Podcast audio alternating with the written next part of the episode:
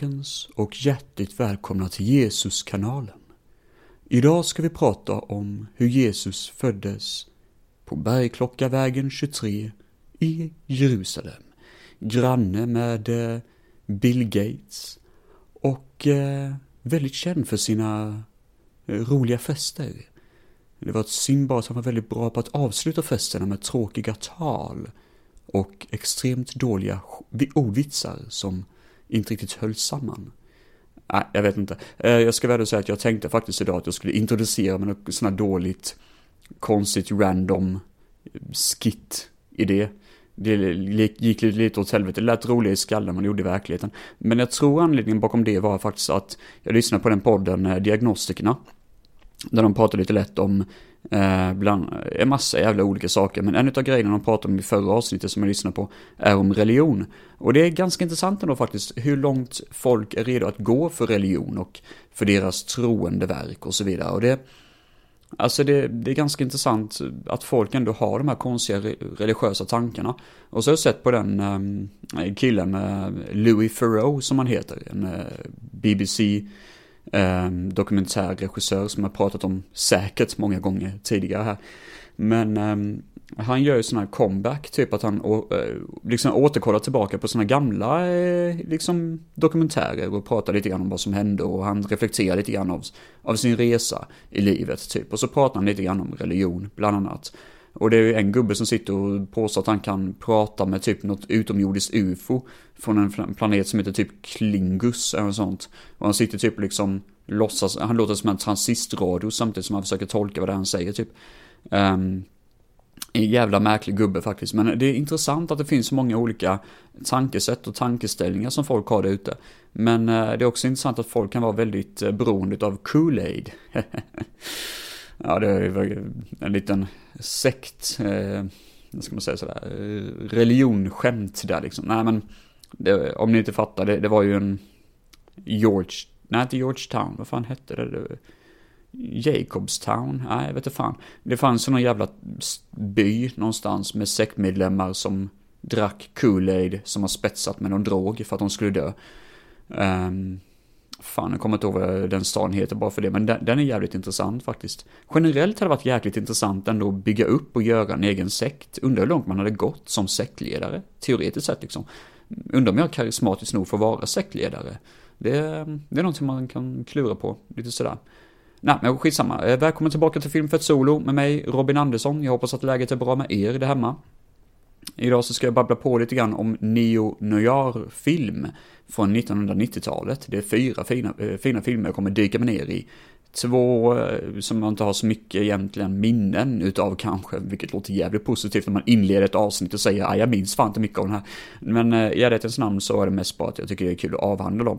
Eh, och så kommer jag också prata, för det första, innan jag drar igång om Neo Noir, så kommer jag prata om en animefilm jag sett som är helt jävla bananas och helt åt helvete. Eller anime är det inte, men en animerad film som, ja, jag ska försöka förklara det på bästa möjliga sätt. Men i alla fall, ni är hjärtligt välkomna tillbaka till Filmfett Solo med mig, Robin Andersson. You are not you, you're me. No shit. Så, nu sitter jag med en god kopp kaffe framför mig. Och, vänta lite, hoppas ni hör lite bättre där. Uh, nu sitter jag med en god kopp kaffe framför mig och några kakor. Det här är fasser. Uh, Cookie, Cookie Bites Chocolate Chip heter de. Det är good shit faktiskt, jävligt goda. I alla fall, Robin and the Dream Weavers. Det här var en, ett pilotavsnitt till en tv-serie som aldrig gjordes med samma namn. Och eh, då kan man tänka sig, fan vad spännande, pilotavsnitt av en tv-serie som aldrig produceras. Det här vill man veta mer om. Eh, så eh, det var på filmklubben då, då vi beslöt oss att se den här produktionen. Mer eller mindre mot vår egna vilja kan man väl säga. Nej men Okej, okay, storyn är så här att det är en forskare som håller på att göra något experiment med en äppelskrutt som man typ ska teleportera till ett annat rum. När han går och kollar på den här äppelskrutten inser han däremot att någonting föds ur äppelskrutten och det verkar vara ett spädbarn. redan där är det liksom, aha, det här var ju lite annorlunda, typ. Eh, dagarna går och forskaren dödas av några bad guys och barnet växer upp och blir typ sångare, eller sångerska. Och eh, hennes, ehm, ja vad ska man säga, och det är hon som är Robin då, hennes ehm, Eh, utstående detaljer på kroppen om man säger så, de eh, syns eh, utan tvekan. Det, det här är Laura Croft-style liksom. Och alla ser henne som världens coolaste sexikon, typ. Eller, no, ja, sexikon är kanske fel ord att använda, men det är ändå så folk ser henne, att wow! Liksom så.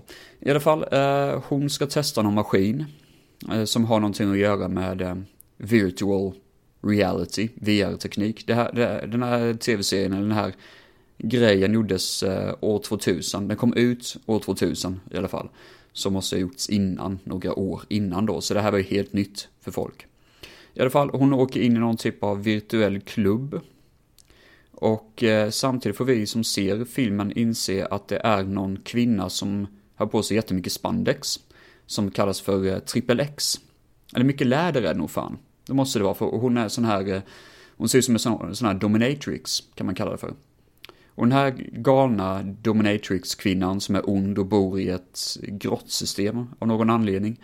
Hon eh, är ju väldigt erotisk, utan tvekan. Alltså, det märks första gången man ser henne att oj, det här är inga hämningar. Liksom. Hur ska man kunna förklara detta för barn? För hon är verkligen jätteerotisk. Och då börjar jag ställa mig frågan, är inte detta tänkt så att det ska vara vänt till barn? För när hon trycker upp sina, ja, utstående kroppsdelar rakt upp i en mans ansikte. Då börjar man faktiskt ifrågasätta lite granna vad, eh, vad poängen är med den här serien överhuvudtaget. Och eh, ja, det är då det verkligen börjar dyka upp ett frågetecken att okej, okay, det här kanske inte är tänkt så att vara till barn. Men grejen är att i scenen efter så får vi se några Bumbibjörnar liknande karaktärer som ser ut som att de kommer från Snurre Sprätt som tydligen är ansvariga för att de har skapat Robin, den här kvinnan då, på något jävla vänster, via VR-teknik. Låter det här flummigt och ihopklistrat väldigt löst så kan jag garantera att det är exakt det det här filmen är. Ehm, efter att vi har sett den här filmen så satt, vi var tre stycken som hade sett den, och snackade då via Discord då, för vi körde detta via, via nätet. Vi satt och snackade lite grann om den och det, det var verkligen ingen av oss kunde, kunde fatta vad fan filmen egentligen gick ut på. För den är ju alldeles för barnslig för att vara för eh, tonåringar. Och den är alldeles för erotisk för att vara för, eh, eh, ja, för barn. Plus att hon, dominatrix-kvinnan, hon drivs ju utav erotik. På riktigt, alltså pornografi. Det är typ det som ger henne hennes kraft, eller något sånt. Ja, det här är en jävligt konstig film. För det är ju inte Ralph Bashki, det är ju inte hans kvalitet, det är inte heavy metal.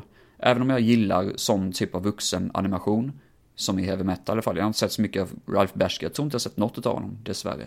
Men jag gillar vuxenanimation, jag tycker det är kul. Eh, att se liksom att man använder det barnsliga mediet av animeringar och gör något, någonting till den vuxna publiken av det.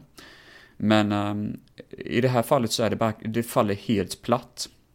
Det här pilotavsnittet är typ en timme och tio minuter eller något sånt och på den tiden så fattar jag fortfarande inte hur man kunde göra så otroligt lite um, innehållsmässigt. Man bygger upp någon typ av virtuell värld, hur världen ska se ut, hur, fram, alltså hur allt ska se ut i denna värld som man byggt upp. Men ingenting hänger ihop eh, överhuvudtaget. Det finns inga grundbaserade regler.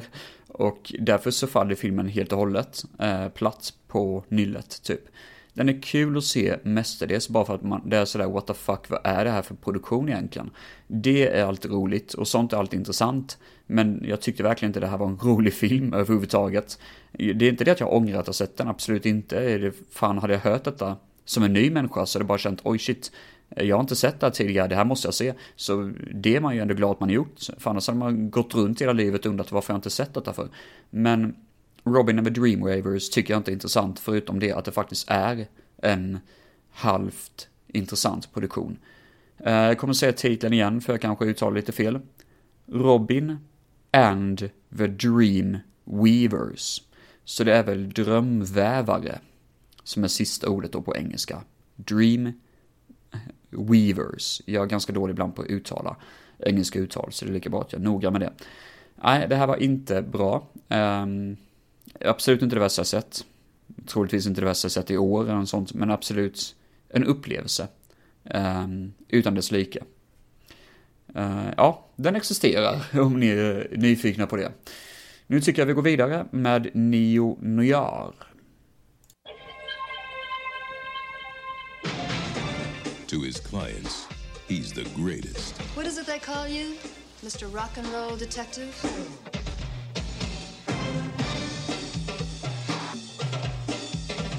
To everyone else, he's just a Dick Andrew. Dice. Clay. Is Ford Fairlane. Does that excite you? Oh, that. Don't take it personal. Rose ain't born naked. The Adventures of Ford Fairlane start June 8th at theaters everywhere. The Adventures of Ford Fairlane heter den här filmen. Um, ja, för det första så kanske man ska beskriva vad, film, äh, vad Neo Noir um, ehm, kommer på. Jo, Neo Noir är svartvit, äh, film noir. är svartvita um, deckare. Oftast med gangstrar och mystiska karaktärer. Det, det är ganska mörka filmer. Eh, dystra filmer nästan, att se. Inte sådär jätte, jihi, jippi, yay. Och vanligtvis inte sådär jättevanligt att eh, karaktärerna, att det går bra för karaktärerna, typ. Så, ehm, de kan vara ganska deppiga. Och det var väl där någonstans i samma veva som, ehm, jag tror inte den var först, men det var absolut en av de största filmerna. Den under 90-talet. Um, ehm, Basic Instinct, när den kom ut. Så var det verkligen sådär att det blev en ny våg av deckare under 90-talet. Oftast erotiska deckare då. Och eh, däribland så blandar man in då neo-noir som filmgenre. Um, jag tänkte då att jag skulle prata om några neo-noir-filmer från 90-talet.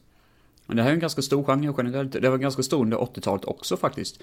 Och jag tror väl nästan man kan säga, man kan nog kalla Dirty Harry från 70-talet för en neo film. Det vill säga deckare i färg.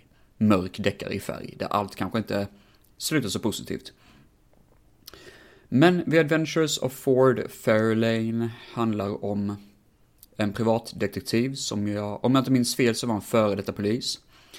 Han är väldigt vulgär, en hemsk människa. Och jag kollade in för ett tag sedan på Wikipedia eller på IMDB att eh, fallet han har i filmen är att han försöker liksom um, Eh, det, det, är någonting med musik är det. Jag för mig folk kidnappades eller mördades som råkade vara musiker. Något sånt är det. Och eh, det här är ju ingen, eh, alltså det här är en komeditag, alltså gestaltning av då eh, Den vann en del Razzies. Som bland annat att huvudskådespelaren, jag kommer inte ihåg hans namn, men han är en komiker. Och eh, han vann Razzie för att han, Andrew Dice, någonting heter han. Han vann en Razzie för att han var eh, som bäst, alltså sämsta skådespelare. Jag tycker väl inte han är så dålig, jag tycker väl mest bara att filmen generellt inte håller ihop särskilt bra. Och det är väl det egentligen som är felet med filmen. Att den eh, bär inte överhuvudtaget. Han som karaktär är ju väldigt vulgär, det finns ingenting som är positivt med honom överhuvudtaget. Så det, det, det är egentligen ingenting som gör en kul att kolla på. Man vill ju bara att han ska få stryk och typ dö, någon sån, för han är bara ett svin. Men eh, det, det, finns säkert vissa som tycker det är skitkul att se en sån karaktär också. Jag tycker inte om det, jag tycker bara det är för vulgärt. För, mycket, för mycket Family Guy över det nästan. Eh, att det blir sådär äckligt och kladdigt typ över hela, över hela karaktärerna. Um, och han har ju väldigt sån här rock'n'roll-attityd och rock'n'roll prestanda och det tycker jag på papper lät lite småkul. En rock'n'roll-detektiv, men nej. Det bär ju inte riktigt vägen för han är ju bara som sagt var vulgärt svin. Det är allt han är. Sen är Priscilla Presley med i filmen och Robert Englund också. Um, och Ed O'Neill, hör för mig, med. Så det finns säkert vissa folk som verkligen skulle tycka att det här låter kul. Och tycker ni det låter kul så är det säkert jävligt roligt för er. Men eh, det här var eh, rent konkret, för att liksom dra en slätning över det. Det här var ingen film för mig. Och det är väl det egentligen som är slutändan av det. Att eh, jag kan väl inte objektivt säga att det är en värdelös film. Men jag kan objektivt säga att det här är ingen film för mig. Um, för det finns säkert folk ute som tycker om den. Jag vet att det är vissa som tycker om den och gör de det så är det helt okej. Okay, men det var verkligen inte min typ av produktion. Och um, humorn är ju inte pinsam i alla fall. Men humorn är väldigt vulgär på ett sätt som är ganska, uh, väldigt sexistiskt är det. Och uh, som sagt var, det finns säkert vissa som tycker det är skitkul, men jag har, uh, tyckte väl säkert det var roligt när jag var typ 11 år kanske. Men inte så mycket nu när man är vuxen. Då tycker jag bara att ja, men det, det är inte särskilt unikt. Och det är inte särskilt kul heller. Nej, så det var inte riktigt min typ av film. Men det är i alla fall en deckare. Och eh, den har lite en, eh, en stil som man ändå förstår sig på. Även om man kanske har lite svårt att respektera den. The Adventures of Ford Fairlane heter den. Jag tror den släpptes 1990 eller 1991 eller något sånt. Om ni är sugna på att spana in den. Nu ska jag se här. För nästa produktion att prata om har jag någonstans i min anteckningsbok. Så jag ska bara bläddra fram rätt sida här. Um, för det står rätt jävla mycket i min anteckningsbok här. Mm, ja, mm, ah, där har vi den. Den här produktionen heter Color of Night. Today I'd like to focus on a most enlightening and challenging topic. Sex. More or less. I know what kind of a force group can become in your lives. You tell things here, intimate things. In the heat of passion. Why would you be ashamed of being a shrink? Who told you I was a shrink? Dr. Bill Kappa is about to learn things he never knew. You're trying to play it safe, trying to see me as a case instead of as a female. About human desires. One of my patients was killed last night. He was stabbed in the chest 38 times. Four neurotics of varying degrees and one killer. He's being drawn deeper. I don't really know who you are, or what you do. You have all the power. People are getting killed around here. You understand that? Color of Night. Och vi har också en Razzie-vinnare eh, med denna film. Bland annat så vann den sämsta ledmotiv, sämsta biroll nominerades den för i alla fall. Och den nominerades även för sämsta kvinnliga karaktär och manliga karaktär. Vilket lustigt nog råkar vara samma skådis för den person som eh, har bytt kön eller något sånt är det. Jag kommer faktiskt inte riktigt ihåg detaljerna i filmen. Men, eh, ja. Eh, vi har Bruce Willis i huvudrollen som en eh, terapeut som blir vittne till hur hans senaste klient tar självmord genom att hoppa ut genom ett fönster och dö.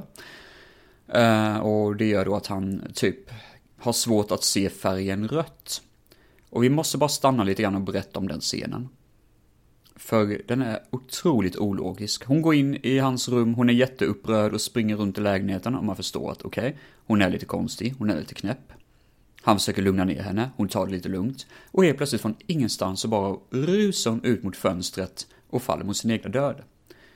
Och det här är ju otroligt magplask i manusbeskrivning. För det är ingenting som hintar eller indikerar på att hon ska göra detta. Det är som ett impulsivt konstigt beslut som man bara okej, okay, jaha, det hände. Ja, där ser man. Och um, det är väldigt märkligt. Men i alla fall, Bruce Willis kan inte se färgen rött efter det och han är väldigt deppig av vad som har hänt och vill gå vidare med sitt liv. Så han besöker en annan psykolog som heter Bob. Som har en sån här cirkel med olika eh, personer som typ är eh, sjuka då liksom på olika sätt. Och där ska då eh, Bruce Willis både vara terapeut och kanske till och med öppna upp sig om sina egna erfarenheter. Och det här gillar jag ändå, jag tycker ändå om idén. Det är ändå nice. Den här andra psykologen, eh, Bob, spelas av Scott Bakula. Som jag känner mest igen för, eh, han var ju med i den Lord of Illusions. Han spelar en detektiv som jagar efter en äh, Ma Ma Ma Marilyn Manson eller nära Charles Manson, liknande sektledare kan man säga. Det är faktiskt en riktigt bra film, den borde ni verkligen se. Och den borde jag verkligen plocka upp någon gång Eh, på film för ett solo. Men eh, vi har lite andra kändisar som är med i filmen, förutom Scott Bakula och Bruce Willis. Lance Henriksen dyker upp. Och han spelar en karaktär som typ sörjer sin familj som har dött, eller något sånt. Och han är... Det, är en väldigt märklig scen. I Ena sekunden så sitter han runt det här bordet och pratar om sin familj. Och han är lite cynisk, för det är bara när. Han är cynisk och ganska arg på alla andra. Och helt plötsligt så klipper man till en annan rollkaraktär som säger någonting. Och så klipper man tillbaka till Lance Henriksen som börjar asböla. Alltså han, han gråter så in i helvete. Och det här, det är jättekonstigt gjort. Det, det, det känns liksom, det är ingen uppbyggnad, det bara, det känns som att de har klippt bort en hel jävla stor scen däremellan. Inget indikerar på att han blir upprörd eller arg eller ledsen. Helt plötsligt bara sitter han där och hade, hade, hade han haft smink på så hade sminket runnit bort för länge sedan. För det ser ut som att han verkligen gått ut i ett jävla regn. Och det är jätteknäppt filmat. Brad Dory är för mig också. Och han gillar man ju. Det är han som spelar Chucky. Eh, gör rösten till Chucky. Och är med i min favoritfilm Dune. Eh, god jävla skådespelare som, eh, ja, som man tycker om väldigt mycket. Och han är med här och spelar neurotisk eh, person då i eh, den här cirkeln av udda personligheter. Och han är ju en sån som verkligen, han märker nog av att okej, okay, jag gör det jag är bra på och sen får alla andra göra vad fan de vill typ. Så han är ju lite bananas, han är ju Brad Dourif liksom, han är ju um, en excentrisk skådespelare kan man kalla det för. Han håller inte tillbaka lika mycket som Lance brukar göra i sina filmer typ. Eller som Bruce Willis som egentligen bara gör det för paycheck, alltså för, för sin eh, årliga paycheck så att säga. Color of Night är tydligen känd för att det är en jättekänd sexscen. Och eh, det är väl mellan Bruce Willis och någon annan kvinna. någon annan kvinna. Fan vad elak jag är. Nej men Bruce Willis och en kvinna är det. och jag minns inte den ärligt talat. Jag vet inte, jag kanske såg den bortklippta varianten eller så zonade jag ut för jag tyckte det var en sån jävla lång film typ. Men det är klart som fan det ska vara erotiskt material i en sån här produktion. Det, Eh, är givet. Och storyn är mestadels att han blir hotad av någon, han tror det är någon i den här gruppen. Och ehm, jag tror Scott Bakula dog också. Ja, det gjorde han. Han mördas ganska tidigt. Det är typ startskottet på det hela. Han mördas i sitt egna rum jättebrutalt. Alltså vi pratar om så brutalt som man bara tänker vem mördaren än är så måste det vara någon som har övernaturliga krafter typ nästan. Um, vilket också makes no sense när man får veta vem mördaren är, för man bara hopp, okej. Okay. Men det, det där eh, fattar jag inte riktigt hur personen kunde göra. Det där var lite ologiskt och jag har svårt för det när det kommer till, många filmer. Där man ska försöka göra ett mordmysterie. Och mördaren bara visar sig vara mm, typ en gammal kärring på 90 år. Typ man bara, eh, va? Hur? Liksom. Nej, äh, men det här är ingen... Eh, det här är ingen bra film överhuvudtaget, den är jättedålig. Jävligt kass är den. Och eh, ohållbar mestadels i att manuset faktiskt är så otroligt latsamt skrivet. Jag kan inte tänka mig någon som faktiskt skulle tycka om den här filmen. På riktigt. Kanske för att man tycker att den är halvrolig, alltså komiskt dålig att se. Nej, jag vet inte fan alltså. Eh, jag tror inte det finns någon som skulle som skulle kunna skydda den här filmen som exempelvis The Adventures of Ford Fairlane. Jag, jag ser ju vad folk ville göra med Color of Night, men eh, jag eh, fattar inte det. Nej, det är mycket som är fel med Color of Night och um, det, det, här är ingen film jag vill återgå till att se igen. Och det här är Neonior när det är kanske som allra sämst. Eller inte allra sämst, men när det är dåligt, när det är riktigt dåligt. När man försöker kopiera andra filmer men gör det så otroligt dåligt så det nästan blir skrattretande. För det är ändå ganska skrattretande att se den här filmen. Det är ingen tråkig film så sett. Det är ingen generisk jävla skitfilm som typ um, Cold Creek Manor bara för att dra till med någonting. Utan det här är, eller Hannibal kan vi säga, för den är också jävligt generisk. Men det här är generiskt på ett sätt som är otroligt kul och rubbat, nästan lite grann som The Room. Att det är så mycket som känns fel med det hela, vilket gör att det faktiskt blir ganska underhållande. Eh, på sätt och vis. Nu har jag faktiskt kollat upp vem regissören var bakom filmen, men jag kom faktiskt inte ihåg vem det var. Så jag ber om ursäkt om det är någon jättekändis som typ jag glömmer bort namnet på, men ja. Eh, skitsamma. Det var Color, Out, Color of Night, helt enkelt. Sådär upplevelse.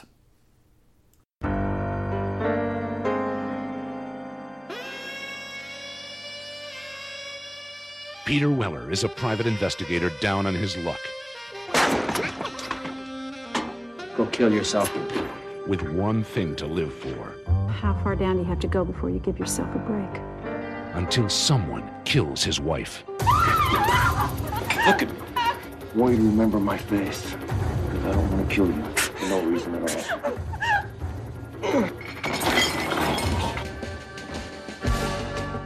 I need a gun.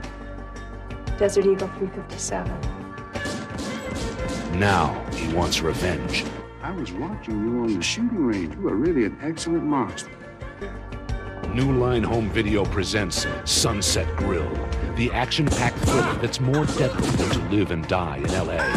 Some people are born with their destiny. Some people learn about their destiny. Turn up the heat and save $30 with the Sunset Grill 3 pack. Rated and unrated versions available. Då går vi vidare till 1993. Och en riktig cool skådespelare som spelade rollen Robocop under 80-talet. Peter Weller, såklart. I den här filmen har han en riktigt imponerande mustasch. Kan vara kul att tillägga. Och han spelar privat, eh, private investigator, en sån här privat eh, polis. Eller privat, eh, vad heter det? Privatspanare? Nej. Uh, privat detektiv, fan det var det jag tänkte på. Private investigator. Uh, som heter då Ryder, heter han. Och hans grej är att han är uh, alkoholist och röker jättemycket. Vilket jag för mig har läst någonstans att Peter Weller gör i verkligheten. Att han verkligen står jättemycket för tobakindustrin. han verkligen står för det, han tycker att folk borde röka mer tydligen. Eller något sånt jättekonstigt. Men han dricker också som fan. Och han gillar inte vapen. Vilket är en ganska intressant sak för en privatdetektiv. Att han tycker verkligen inte om pistoler och vapen och så. Danny Trejo är med i filmen. Eh, har för mig att ganska namnlös. Han gör inte mycket i alla fall. Och vi har John Rice Davies som en korrupt snut. Och det är han som spelar Gimli, har jag för mig, i Lord of the Rings. Och... Eh, fan heter Salem? Salim? Tror jag han heter, i Indiana Jones. Um, och så spelar han också en rysk general i Living Daylights, noll, uh, James Bond-filmen då, 007-filmen där. Som jag inte kommit till ännu på mitt 007-tema. I alla fall, Stacy Keach är med också. God jävel. Eh, uh, han tanter på sig sin uh, blonda peruk och sina uh, albino ehm, ögonlinser från eh, Class of 99, det hade varit riktigt coolt faktiskt. Men här är någon sån här vapenklubbägare och det är ganska obvious att det är han som är skurken i dramat. Eh, storyn är då att Peter Wellers exfru driver en bar som heter Sunset Grill. Och en av hennes medverkande, eller medarbetare har försvunnit. Och i början av filmen får vi se då att han dödas av några gangstrar i Mexiko. Men eh, hon blir dödad hon blir mördad i baren av en okänd gärningsman. Och det är startskottet då till att eh, eh, Ryder, då vår hjälte, ska försöka, Peter Weller, ska försöka eh, ta reda på vem mördaren är typ. Och det leder ju hela vägen då till Stacy Keach, eventuellt då i slutet i alla fall. Jag kommer inte ihåg vad fan hans plan var, men det var någonting med eh, organ, har jag för mig. Att han typ kidnappar folk från gatorna och skär ut deras organ och deras hjärtan och sånt. Något sånt var det i alla fall. Det här är en ganska medioker film. Det är kul att se Peter Weller i mustasch och det är kul att se hela hans karaktär, är ganska halvrolig typ. Han är ju inte bra på att spela privatdetektiv, det ska jag inte säga, men han får spela en ganska extrem och färgstark person och det tycker jag är kul, det tycker jag är härligt. Det är roligt att se honom spela en sån roll när han vanligtvis, alltså i Robocop är han ju lite mer low key. Han är ju inte li, lika liksom, eh, eh, han är ganska stel i sina känslor, här är han inte stel om man säger så. Och det är kul. Trailern på filmen, nämner To Live and Die in LA. Att den här filmen är lika bra som den. Jag bara, nej du. Eh, to Live and Die in LA är en av de bästa filmer som har gjorts, enligt mig. Och det här är ju fan inte närheten. Det är riktigt dåligt är det. I, om man ska jämföra de filmerna i alla fall. Och eh, sen så är det, just det, han åker till något mentalsjukhus. Um, Ryder. Och här är det helt jävla bananas. Alltså det är det sjukaste mentalsjukhuset jag varit med om. Det är fan, Arkham Asylum har ingenting jämfört med det här. Folk springer runt och bara la di da da da Det typ håller på så liksom. Och man hör ett sådär whimsical music. Du, du, du, du, du, du, du, liksom sådär. Och man bara, vad fan är detta liksom? Herregud, det är det sjukaste jag varit med om. Och man tänker, är det verkligen så här på mentalsjukhus? Eller är detta typ det värsta mentalsjukhuset som finns i världshistorien? Eller det kanske bara är ett vanligt jävla eh, våningshus, bara det att alla som bor där är fucking idioter och typ dansar runt som jävla, mm, ja, jag vet inte vad. Nej men, Sunset Grill, generisk film. Ni har inte hört talas om den tidigare av en anledning kan jag säga och eh, den är verkligen generisk i slutändan. Det finns inte mycket kul att säga om den, inget cool dödsscen eller något sånt. Utan eh, den är ganska, eh, ja, tom på innehåll, rent ut sagt. Och det för mig till den sista filmen för dagens tema om Neo Noir. He is playing with fire. It's a pretty good looking woman you hooked up with. It's you and me now. He is using the girlfriend of a cop. You're not even supposed to know about this. Your girlfriend is under police surveillance. To catch a killer. The owner of the apartment is a guy named Carlos Hernandez. It's about nailing a cop killer. And if Eddie's on the inside, that just brings us closer. But when the game is deception. I'm only telling you so you won't get hurt. Rachel's not involved. But why are you protecting her? You're a cop. Can't you see she's pulling your chain? Someone is hiding the truth. The cops investigating Carlos think you're involved. Don't patronize me. What do you really think? And when you play with fire, I want you to help me set him up. Men like me. someone is going to get burned.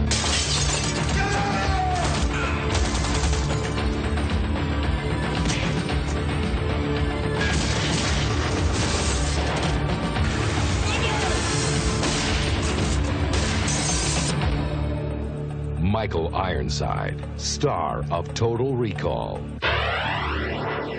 Deadly Surveillance. Ja, Deadly Surveillance. Eller Surveillance heter det kanske. Ehm, dödlig övervakning om man gör en eh, rätt översättning av filmen. Men på svenska heter den Den nakna sanningen. Och jag har faktiskt en VOS på den här. Som jag ska försöka beskriva på, på bästa möjliga sätt. I bakgrunden har vi, ja, en eh, himmel med en massa moln. Och vi ser Michael Ironside. Det är därför jag fick den, såklart. Jag fick denna faktiskt eh, gratis av en kompis. Um, och han är lite sådär borttonad i himlen, så det, det, är ganska svårt att se honom. Man ser hans ögon ganska klart. Men Ironside som helhet tar lite tid innan man ser honom. Uh, till och med texten det står Michael Ironside är ganska dålig. Eh, och blandas nästan ihop med himlen faktiskt, så det är riktigt dåliga omslag är det. Sen ser vi en kvinna som står på huk och siktar en pistol. Eh, hon är väldigt lättklädd. Och eh, så står det då den nakna sanningen i generisk text under henne. Nästan som att det är en sån här um, tidningsartikel kan man säga. Och så står det då lite sådär namn på personen som är med i filmen. Um, det står att David Cardine var med. Var det han som ströp sig själv till döds? Eller var det hans bror som gjorde det? Jag brukar alltid blanda ihop dem. Det var en kille som gjorde eh, liksom sådär strypsex typ, eller drog ett stryprunk i sin garderob tror jag. Och råkade hänga sig själv. Uh, vet inte om det var David Cardine eller om det var någon annan, men uh, i alla fall, det är one hell of a way to go, kan jag säga. Jävla, eh, ja fan det är, det, det är coolt, det är tung jävel. I alla fall så står det så här på filmens eh, tagline. Hon kommer att krossa ditt hjärta och varje ben i din kropp. Eh, jag vet faktiskt inte riktigt om det stämmer överens. Men nu går vi in på baksidan här. För det, det roliga, anledning, anledningen till att jag läser upp det här är för att när jag kommer berätta vad filmen egentligen handlar om så inser ni att det, det, det är inte alls det det handlar om, typ. Den ene åtrår henne, de, den andra älskar henne, bägge kommer att frukta henne. Det är ju väldigt dålig tagline också på baksidan. En gång var det världens bästa vänner i poliskåren, men det var innan Fender stal Nickels kvinna. Nu tänker han göra det igen, den här gången för att låsa in henne i fängelse. Polisassistent Fender finner av en slump ett parti heroin i en lägenhet. Lägenhetsinnehavaren är Rachel och det vackraste Fender har sett. Hon är också Nickels kvinna. Och hon bär på en dödlig hemlighet.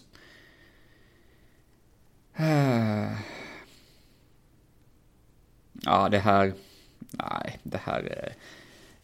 Det här är en väldigt dålig beskrivning av filmen. Den kom ut 1991.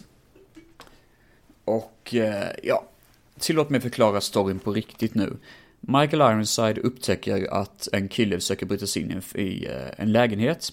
Han kommer dit och inser att lägenheten är full av kokain. I alla fall ett skrivbord då som tjuven har låst upp. Tjuven ger upp väldigt snabbt och hjälper Ironside att sätta tillbaka grejerna exakt som det var. Eh, medan de håller på att gömma en massa sådana här mm, mm, mikroskopiska mikrofoner. För att Ironside ska då tillsammans med en annan kollega lyssna av lägenheten och ta reda på vem det är som bor där och ta fast kokainkjuven. Det visar sig att en kvinna bor där som råkar dejta en annan polis. Som var Nickel, eller Ironsides före detta kollega.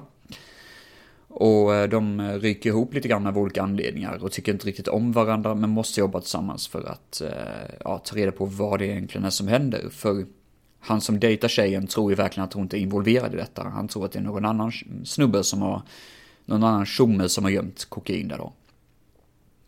Och det är i stort sett storyn. Och sen så är det typ lite erotiska scener som är lika erotiskt som en rostig buss i Hyltebruk. Det vill säga, eh, det är fan inte erotiskt någonstans. Säg vad man vill om Kanada, men de kan fan inte göra saker erotiskt. Jag tror det är för att de alltid går runt i typ, Eh, vad ska man säga, raggsockor och fula, mm, fluffiga tröjor och typ, eh, har väl inte den mest attraktivaste, liksom, looken på deras karaktärer. Vilket gör att det är inte sådär jätteattraktivt att se typ liksom, när de ska försöka sexa till det lite grann i sänghalmen. Och det, det kunde man överleva utan i den nakna sanningen. Men, trots det så får vi en Ironside som röker väldigt mycket och dricker väldigt mycket. Och ni som har lyssnat på det här podd, eh, som har lyssnat på Filmfett länge vet ju om hur jävla mycket jag älskar Michael Ironside. Han är ju helt jävla, uh. Han är en riktig man alltså. Och um, det, det, det är kul att se han i huvudrollen faktiskt som en god karaktär. Och det märks att han ändå tycker om den här filmen på något vis. Alltså det märks att han ändå tycker att eh, han gör ett bra jobb liksom, verkligen.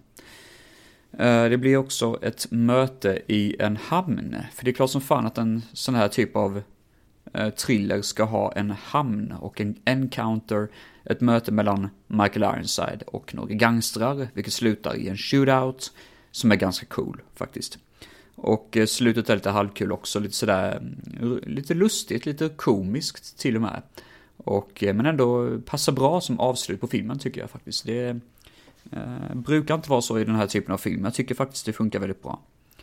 Musiken måste vi presentera här, för musiken är den här klassiska trollflöjten som man hör från de här, ehm, ni jag vet de här indiska personerna som brukar stå på gator och torg ibland och sälja musik och ibland sälja tröjor och sånt. Och så står någon med en trollflöjt och typ liksom drar någon sån här, mm, liksom, indisk trudelutt, typ ganska generiskt.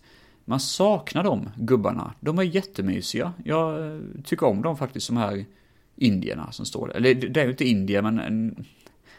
indianer är det för fan.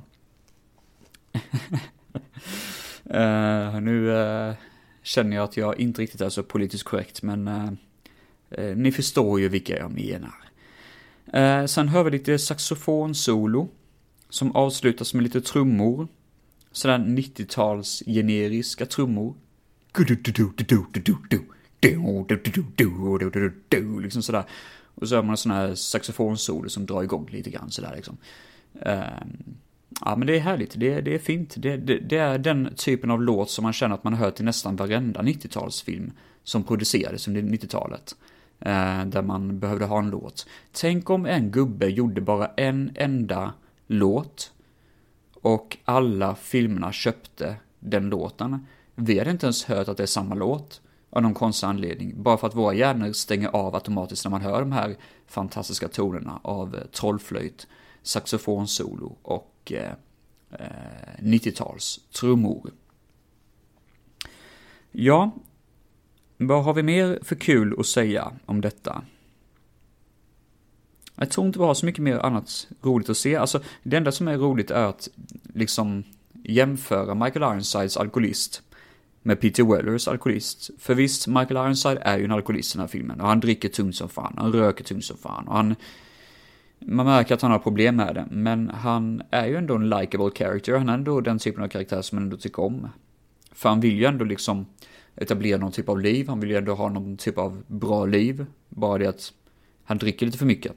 Medans Peter Weller har typ inga egentliga karaktäriska drag som gör honom intressant i Sunset Grill. Han är egentligen bara rätt tråkig och skrikig och överdrivet jobbig, alkoholiserad, eh, rökande eh, person som i stort sett är på, på gränsen till att falla ihop och kollapsa nästan. Och Ironside har ju inte riktigt kommit så långt. Han har ändå sin stabilitet i sin personlighet. Och det tycker jag om, det gillar jag som fan. Nej, det här är en helt okej film, Den nakna sanningen. Jag tyckte ändå om den. Det var eh, kanske för att jag hade förväntat mig mycket skräp och ändå fick en ganska okej produktion. Jag förväntade mig i och för sig ganska mycket skräpet av uh, Sunset Grill också, men jag känner det att det är någonting med Deadly Surveillance som uh, genomfördes på ett uh, lite roligare sätt. Sådär. Rent generellt. You are not you. You're me.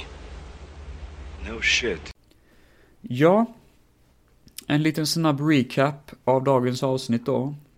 Robin and the Dream Weavers. En udda jävla anime, eller anime är det inte, men animerad produktion. Um, men inte bra överhuvudtaget. The Adventures of Ford Fairlane, inte min typ av film, men skulle ändå rekommendera det för folk som tycker om det. Jag tror jag vet några lyssnare som skulle gilla den typen av produktion.